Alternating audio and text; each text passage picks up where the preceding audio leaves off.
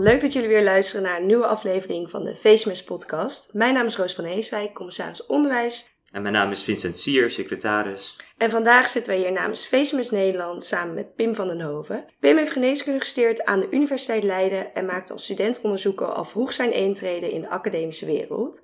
Inmiddels is Pim begonnen aan zijn specialisatie en is hij als AIOS-chirurgie werkzaam in het Alreine ziekenhuis. En ook tijdens zijn specialisatie blijft hij bezig met het uitvoeren van wetenschappelijk onderzoek in de vorm van zijn promotietraject. Hartelijk welkom. Dankjewel voor deze mooie introductie. Vandaag uh, gaan we proberen we een kijkje eh, te geven in het leven van AIOS chirurgie. Maar de allereerste vraag, waarom de chirurgie? Ja, dat, um, dat is denk ik als ik terugkijk ontstaan tijdens mijn kooschappen. Ik had wel al vroeg in mijn leven het idee om een vak te kiezen waarbij ik met mijn handen kon werken. Uh, toen ik nog, nog echt klein was, was dat eigenlijk uh, timmerman. Dat was mijn, mijn droom. Tijdens mijn opleiding voor geneeskunde heb ik aanvankelijk mijn zinnen gezet meer op de interne geneeskunde, als ik heel eerlijk ben. Dus ik heb daar ook in de inleiding die je aangaf onderzoek gedaan naar, naar trombose en hemostase. En eigenlijk vanaf het moment dat ik het kooschap chirurgie deed in Gouda destijds, begon voor mij eigenlijk de chirurgie heel erg naar de voorgrond te komen. En dat was eigenlijk het moment dat ik dacht van, hier kan ik eigenlijk en de geneeskunde en het praktische uh, heel mooi combineren. Dus dat was, was eigenlijk het moment voor mij dat ik dacht, hé, hey, hier, hier voel ik me zo in thuis, hier, uh, hier wil ik graag in verder. Ja, en vanaf dat moment heb ik eigenlijk uh, al mijn zinnen gezet op, op de chirurgie. En daarna, dan ben je op een gegeven moment klaar met kooschap. Ik denk dat veel van onze luisteraars daarin zullen herkennen. Die zijn aan het werken richting het einde van de kooschappen vaak. Mm -hmm. Maar wat ga je dan doen? Had je al een plan liggen? Eigenlijk niet. Ik uh, ben eigenlijk vanuit mijn kooschap chirurgie destijds uh, daar ook mijn semi-artstage gaan doen. En dat, dat, het leuke daar was dat je dan eigenlijk voor het eerst echt het gevoel hebt dat je richting het dokter zijn aan het werken bent. Dus ik heb toen besloten om um, daarin door te gaan. Toen kreeg ik uh, op de, de kerstbol destijds te horen dat ik inderdaad een aniosplek kreeg in het Groene Hartziekenhuis. Dat weet ik nog heel goed. Daar heb ik vervolgens uh, een jaar gewerkt. En dat is niet eigenlijk direct geweest met het plan om chirurg te worden. Maar dat is wel tijdens dat anioschap steeds meer naar voren gekomen. En um, dat ja, heeft er eigenlijk toe geleid dat ik toen, na dat eerste aniosjaar, door ben gegaan in het LUMC als, als anios. En ik heb in die tijd ook uh, met, uh, met Joost van der Vorst, mijn co-promotor, nu uh, wat onderzoeken opgepakt binnen de chirurgie. Vanaf dat moment is eigenlijk steeds meer gaan leven eigenlijk. Dus ik, had niet, ik ben er niet aan begonnen met, met een vooropgezet plan. Ik ben eigenlijk heel erg gaan doen wat ik, wat ik op dat moment gewoon ontzettend leuk vond. En dat was chirurgie. En dat is het nog steeds. En ik heb niet een vooropgezet plan gehad. Ik heb wel een vooropgezet, of ik heb wel motivatie gehad. Ik kan niet zeggen, ik heb het doel gehad om chirurg te worden voordat ik aan het, uh, het traject begon. Uh, maar ik heb heel erg gekeken naar waar, waar word ik blij van, wat vind ik leuk, ja. wat geeft me energie. Ja, daar ben ik uh, op doorgegaan. Ik denk dat het sowieso belangrijk is om hetgene te gaan doen waar je inderdaad die energie van krijgt. Ja. Welk specialisme dat dan ook is. Ja, wat, ik me, wat me opviel was dat je dus die switch hebt gemaakt van het perifere naar het academische. Ja. Is dat ook een bewuste keuze geweest? Ja, als je uh, als aniochirurgie aan de slag gaat, dan is dat in het begin allemaal nieuw. Uh, dan leer je daar ontzettend veel van. Maar vaak als je dan, de meeste mensen die na een half jaar tot een jaar, kom je in een fase terecht waarin je nog steeds veel leert, maar wel minder. En dan komt er ook een moment dat je gaat zeggen van, als ik die opleiding in wil gaan, wat moet ik daar nog voor doen? En wat, wat zou me daarin helpen? Toen heb ik dat besproken destijds met, uh, met Roderick Smits, de opleider uit het Groene Hartziekenhuis. En een van de opties was om verdieping te zoeken in, uh, in de academie. En daar heb ik toen voor gesolliciteerd. Uh, daar ben ik toen voor aangenomen. Wie weet hoe het zou zijn gelopen als dat niet zo zou zijn gegaan. maar dat is, dat is toen de reden geweest om de academie in te gaan. Ja. Want had je toen ook een plan B liggen? Nee, eigenlijk niet. Nee, ik heb het daar wel eens, wel eens vaker met mensen over. Moet je een plan B hebben, ja of nee? Ik denk, ik denk het niet. Ik heb een doel gehad en heb een doel om, chirurg te worden. En dan zijn er verschillende manieren om daar te komen. En, ja, wanneer wordt een plan A een plan B, dat weet ik niet zo goed. Ik heb altijd het plan gehad om uh, vanaf het moment zeg maar, dat ik dat doel had, ik wil chirurgie gaan doen. eh, was dat het doel. En daar heb ik ja, toen niet, niet meer over getwijfeld. En als er dan in die weg daar naartoe eh, momenten waren dat ik het anders moest doen, dan had ik dat gedaan. Of je dat een plan B moet noemen, weet ik niet. Ik heb één doel en dat was chirurg worden. En dat, eh, ja, daar pas je dan misschien tussentijds je stappen op aan. Ja, ik denk dat het misschien ook meer is als je dan op zo'n eh, splitsing komt, dat je dan inderdaad gaat kijken wat de andere opties zijn. Ja. Je bent nu bezig als AIOS eh, chirurgie. Mhm. Hoe bevalt het? Ja, heel goed. Ik denk ehm, vanaf moment één is die eh, opleiding eigenlijk precies eh, wat ik graag wil doen. Wat ik in het begin al aangaf, ik kan eigenlijk alle facetten van werk wat ik leuk vind, kan ik erin kwijt. Er zit nou, gewoon zoveel in dat vak, waar ik tot op de dag van vandaag nog heel veel plezier uit haal. Dat, dat eigenlijk die, die opleiding iets is waar, waar ik, ik word heel blij van. En dat, dat geeft me gewoon veel energie en eh, dat, dat is om die reden ook gewoon eigenlijk heel goed vol te houden. Het is eh, uiteraard soms hard werken. Eh, dat zullen jullie denk ik ook wel eh, van anderen horen. Ja, ik denk dat daar ook veel luisteraars benieuwd zijn. Heb je nog tijd voor andere dingen? Is het echt alleen maar gaan, gaan, gaan? Nee, Ik heb best wel veel tijd voor andere dingen. Natuurlijk doe ik er ehm, dingen bij die ook gericht zijn op de chirurgie, zoals mijn onderzoek. Eh, daar heb ik ook tijd voor gehad in de zin dat ik een dag in de week in de eerste fase van mijn opleiding had om daar aan te werken. En in het laatste jaar heb ik dat eh, fulltime kunnen doen, naast mijn opleiding. Maar ja, er, er zitten veel uren in een week eh, voor een AIOS. Maar er zitten ook heel veel uren waarin je er niet mee bezig bent. En ehm, ik heb ruim voldoende tijd om te sporten, om te reizen, om eh, andere leuke dingen te doen. Maar dat komt omdat het me energie geeft. Dus ik heb niet het idee dat het aantal uren wat ik erin draai, dat dat eh, ervoor zorgt dat ik er niks naast kan doen. Ik heb in het verleden banen gehad dat ik zeven uur per dag achter een computer zat. Dat, dat de tijd voorbij kruipt, dat was, was in die zin veel zwaarder dan wat ik nu doe. Ik sta eigenlijk op, vind het leuk, dan ga ik naar huis. En dan heb ik voldoende energie over om nog, eh, nog daarbuiten eh, ja, de dingen te doen die, eh, die ik daarnaast leuk vind. Nou, wat ik dan gelijk graag zou willen weten is, hè, je noemt al al die facetten van de, van de opleiding tot chirurg. Mhm. Maar je hebt ook een onderzoeksdag. Hoe ziet dat er dan uit? Dat is in het begin is dat, ehm, was dat een beetje zoeken, want ik had, eh, ik weet niet of jullie mijn onderzoekslijn, ehm, jij kent het natuurlijk. eh, ja, misschien is het goed, om dat voor de luisteraars eh, even kort te benoemen. Ja, dus ik heb in mijn eh, fase dat ik in, in Gouda werkte, heb ik eh, dit onderzoek min of meer opgezet. Het was een, ehm, een onderzoek wat Joost van der Vorst, uh, in het LMC, eh, Sven Mioch en eh, Sophie Ooms al eh, deels hadden eh, ontworpen. Eh, we doen eh, onderzoek naar fluorescentie eh, met ICG bij vaatpatiënten om doorbloeding te kunnen meten. En ehm, in de tijd dat ik in Gouda zat, heb ik daar een dag in de week middels een review aangewerkt. Vanaf 2019 zijn we echt begonnen met het includeren van patiënten. Dus die dinsdagen dat ik dan vrij was om aan het onderzoek te werken, waren voor mij heel erg het, het onderzoek aanvankelijk opzetten. Eh, ik heb wetenschapsstudenten gehad die ik nog steeds heel, eh, heel dankbaar ben, die de rest van de week de continuïteit van het, eh, van het onderzoek waarborgen. Die ook alle metingen deden bij patiënten. nadat we dat eigenlijk goed en wel hadden opgezet. Dus dat, dat is in die beginfase is dat ehm, hoe ik die dinsdag invulde. Op een gegeven moment hadden wij zoveel data binnen dat ik de kans kreeg om dat onderzoek fulltime uit te werken. Dus Ja. alle data die we gegenereerd hadden in de eerste twee jaar van mijn opleiding, eh, de eerste tweeënhalf jaar, die heb ik toen kunnen uitwerken. Ja, dat staat nu helemaal in een boekje. En dat is bijna klaar. Dus we kunnen je binnenkort aanspreken als de dokter van Hoven, Ja. als alles goed loopt. 9 juni als het goed is.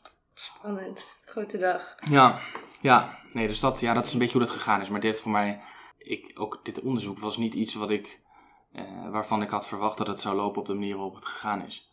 Dus ik heb dat toen, ja, opgezet. Of doorgewerkt eigenlijk. En dat heeft nu geleid tot een boekje. Maar als je me dat eh, drie jaar geleden had verteld, dan had ik niet verwacht dat het op die manier gegaan was. Dus ook dat is een, ja, toch een beetje een, samenloop van omstandigheden geweest. Maar goed, ik heb één ding gedaan, dat is wel dat, eh, dat ik die dinsdagen er vol aan gezeten heb. En eh, ja, dat is het enige wat je kan doen, denk ik. Wat ik dan wel heel erg interessant vind, is dat je al aan het begin zei hè, van ik wil dat praktische wil ik heel graag terug zien komen. Ja. En eh, dat match je dan met je beroepskeuze. Ja. Eh, heb je dat ook zo voor je onderzoek gedaan? Nou, eh, je hebt natuurlijk zelf de ruimte om te kiezen waar je je onderzoek wil gaan doen. En wat voor een type onderzoek je wil gaan doen. Of je ja, iets hebt wat praktisch is, klinisch is. Of dat je iets kiest waar je wat meer met databases aan het werk gaat. Dat is niet mijn type onderzoek. Het zou zomaar kunnen zijn als, als dat database was geweest dat ik daar vanaf had gezien. Ik denk wel dat onderzoek doen ook iets moet zijn waar je eh, ook energie uithaalt. En dan hou je het denk ik ook vol. Want het is, eh, ja, het is hard werken, maar je krijgt er veel voor terug. Maar je moet het denk ik wel leuk vinden. En dat, dat is wel de, de reden denk ik dat dit onderzoek een succes geworden is. Want ik denk dat ehm, veel mensen die, die bij dit project betrokken zijn geweest, die ja, zijn op de, tot op de dag van vandaag nog heel enthousiast over het onderzoek wat we doen. Dat is ook eh, de reden dat ik er nog bij betrokken blijf. Wat je zegt, dat je wel een onderwerp moet hebben wat je leuk vindt en Mhm. eh, dat je er energie van krijgt. Ja, dat klinkt hartstikke leuk. Eh, of, ik denk dat dat ook wel iets is wat zo moet zijn. Maar ik, eh, wat denk ik veel geneeskundestudenten tegenaan lopen, is dat ze, sommigen willen ook onderzoek doen tijdens een bachelor of iedereen heeft eh, een wetenschapsstage. Maar soms kun je tijdens, die, tijdens je studie nog niet echt, echt de leuke kant van het onderzoek zien. Je hebt gewerkt als studentonderzoeker.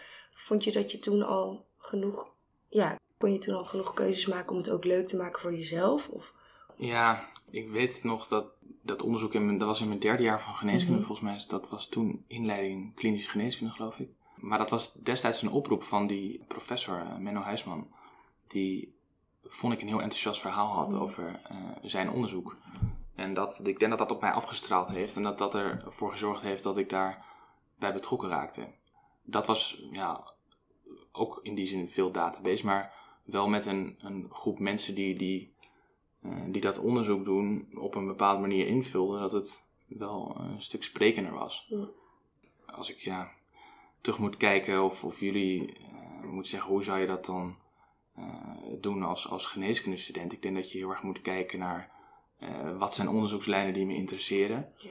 Wat, wat zijn onderwerpen eh, waar ik naartoe getrokken word? En wat heb ik ervoor over om dat tot, eh, tot een succes te brengen? En het klinkt natuurlijk te simpel, eh, doe wat je leuk vindt.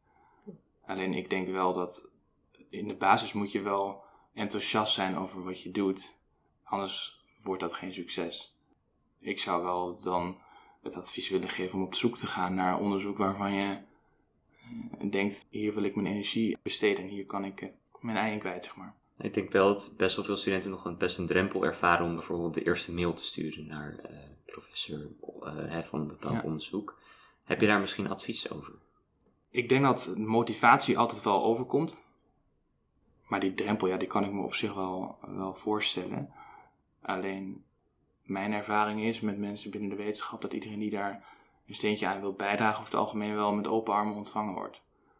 Ik heb toen het geluk gehad dat ik, heb toen ook een sollicitatieplek gehad bij, eh, bij Menno Huisman toen voor die, eh, die plek. En dat ging denk ik op zich best wel goed, maar toen was ik natuurlijk nog student, dus dan kom je er ook ja, best wel bleu aan. En dan zeg je, ja, ik wil iets, iets naast mijn studie doen, wat dat ook mag zijn. En ik denk dat onderzoek een goede stap is. Eh, toen heb ik op zich een leuk gesprek gehad met hem. Toen was er nog wel de vraag van, is dit goed overgekomen, ja of nee? Maar ik kwam hem vervolgens een uur later tegen in de trein. Ja, dus toen heb ik nog een half uur met hem eh, kunnen praten over dingen die eh, vooral niks met wetenschap te maken hebben. En eigenlijk kon ik die maandag op kon ik gelijk eh, beginnen. Dus dat, het hangt ook in die zin weer een beetje af en toe af van hoe, hoeveel geluk heb je, hoeveel toeval is er. En, ja. dat als, als ik hem niet was tegengekomen in de trein, weet ik niet of ik bij dat onderzoek betrokken was geweest. Dat weet ik niet. Maar ik denk dat, ehm, ik begrijp de drempel. Maar ik zou zeggen, probeer vooral de motivatie waarom je iets wil goed over te brengen. En dan denk ik dat heel veel wetenschappers best wel bereid zijn om naar je te luisteren. Vanuit VSMS proberen we ook de jonge eh, studenten en de co-assistenten te helpen met de eerste stappen in, binnen het onderzoek. Omdat het voor veel nou, best wel nieuw is, inclusief voor ons. Vincent Sier heeft al iets meer ervaring. Middels het eh, wetenschapscolloquium en daarin bespreken we de eerste thema's. Dus hè, hoe kom je bij een onderzoeksvraag? Hoe ga je zoeken in de literatuur? Ben je zelf nog tegen drempels aangelopen met het doen van onderzoek? Ja, eh, best wel eh, veel. dat heeft denk ik met name te maken met de regelgeving rondom onderzoek doen. En ik denk dat het is heel chirurgisch om, om doelgericht te zijn. En van onderzoek kan je eigenlijk zeggen, ja, we hebben een doel en dat is uh, bijvoorbeeld in mijn geval op zoek gaan naar een manier om, om doorbloeding van de huid uh, te, kunnen, te kunnen meten, vitaliteit te kunnen voorspellen. En daar maak je dan een mooie opzet voor. Daar ben je dan blij om. Dan heb je, denk je, in die opzet van die uh, studie overal rekening mee gehouden. Onder andere met de risico's van de fluorescentiestof die je inspuit. En dan dien je dat in. En dan ja, komt er bij een MSC, dan komt er van alles terug waarvan je eigenlijk denkt, eh, draagt dit nou bij aan het doel van, van onderzoek doen? En dat vind ik soms wel lastig, dat er heel veel bewegingen rondom een wetenschapper zijn, die niet per se bevorderlijk zijn voor de uitvoering van het onderzoek. Ja, dat merk je op heel veel verschillende gebieden. Dat is inderdaad uh, de goedkeuring van uh, de Medische Ethische Toetsingscommissie. Uh, maar dat zit ook in het verwerken en bijhouden van je data en in de nieuwe regelgeving omtrent de technische objecten die je gebruikt. Dus dat zijn met name de, de problemen die je hebt met onderzoek doen. Dat de uitvoerbaarheid gewoon af en toe lastig is door alle protocollen en regelgeving. Maar ja, als dat eenmaal um, loopt, dan, dan is onderzoek doen eigenlijk ook heel leuk hoor. Dan, ja, dan komt je data binnen en dan ga je er naar kijken. En dan ja, probeer je daar een draai aan te geven en te verklaren waarom je ziet wat je ziet. En dan wordt het heel sprekend en dat is heel leuk aan onderzoek doen. Maar het is met name voordat je zover bent om, om daadwerkelijk je data te kunnen genereren, dat, daar gaan heel veel stappen aan vooraf. En die zijn niet altijd leuk. Niet alles kan altijd leuk zijn. Nee. Ja, nee, er komen natuurlijk ook andere aspecten bij onderzoek uh, kijken die je misschien van tevoren niet verwacht. Hè. Dus zoals je al zegt, die regelgeving. Als student had ik daar nog steeds eigenlijk niet echt heel veel over nagedacht of mee, mee, te maken gehad. Is dat ook iets wat in een carrière van de onderzoeker verandert? Dus met name uh, dat je bijvoorbeeld naarmate je verder in je carrière komt meer met dat soort dingen te maken krijgt? Ja, dat denk ik wel. Ik denk met name omdat de regelgeving gewoon toeneemt. Dus als ik af en toe van Joost, uh, mijn co-promotor, hoor hoe hij zijn onderzoek destijds heeft kunnen doen, dan ging dat toch op een wat eenvoudiger manier dan nu. En dat wil absoluut niet zeggen dat dat onderzoek destijds uh, minder nauwkeurig verliep of onveiliger was. Zeker niet. Ik denk dat we als wetenschappers heel goed weten wat veilig is voor een patiënt en wat niet. Ik denk dat we daar heel zorgvuldig mee omgaan. Maar het wordt gewoon, gewoon moeilijker gemaakt nu. En ik denk dat, dat uh, regelgeving gaat alleen maar toenemen. Dus ik denk dat zeker uh, voor studenten die nu gaan beginnen, zal, zal het weer net wat lastiger worden om uh, onderzoek te gaan doen. En waarschijnlijk zal het zelfs zo zijn dat je de protocollen voor een ander gaat schrijven, omdat het uh, zo lang duurt voordat je met je eigen protocol daadwerkelijk data kan genereren, dat je, ja, dat je al bijna weer aan het eind van de rit bent. Ja, dat je een oneindige cyclus aan protocolbeschrijven ja. krijgt. Ja, dat denk ik wel. Ja. En daar, daar zullen wij ons onderzoek denk ik ook weer wat meer op moeten inrichten, dat we daar meer uh, mee bezig zijn. Dat je verder vooruit denkt eigenlijk dan dat je, dat je vroeger hoefde te doen. In het vorige gesprek had je ook al verteld dat je naar Denemarken was geweest recent voor uh, onderzoek. Ja. Ja, hoe, hoe is het daar? Uh, ik heb me daar niet zozeer inhoudelijk met de protocollen bemoeid, maar ik weet wel van, van die onderzoekers daar dat zij eigenlijk tegen dezelfde problemen aanlopen als wij. Ik denk dat Denemarken en Nederland in heel veel zaken vergelijkbaar zijn. En als ik hen hoorde over de, eh, de protocollen en hun toetsingscommissie, dan lopen zij daar tegen dezelfde problemen aan.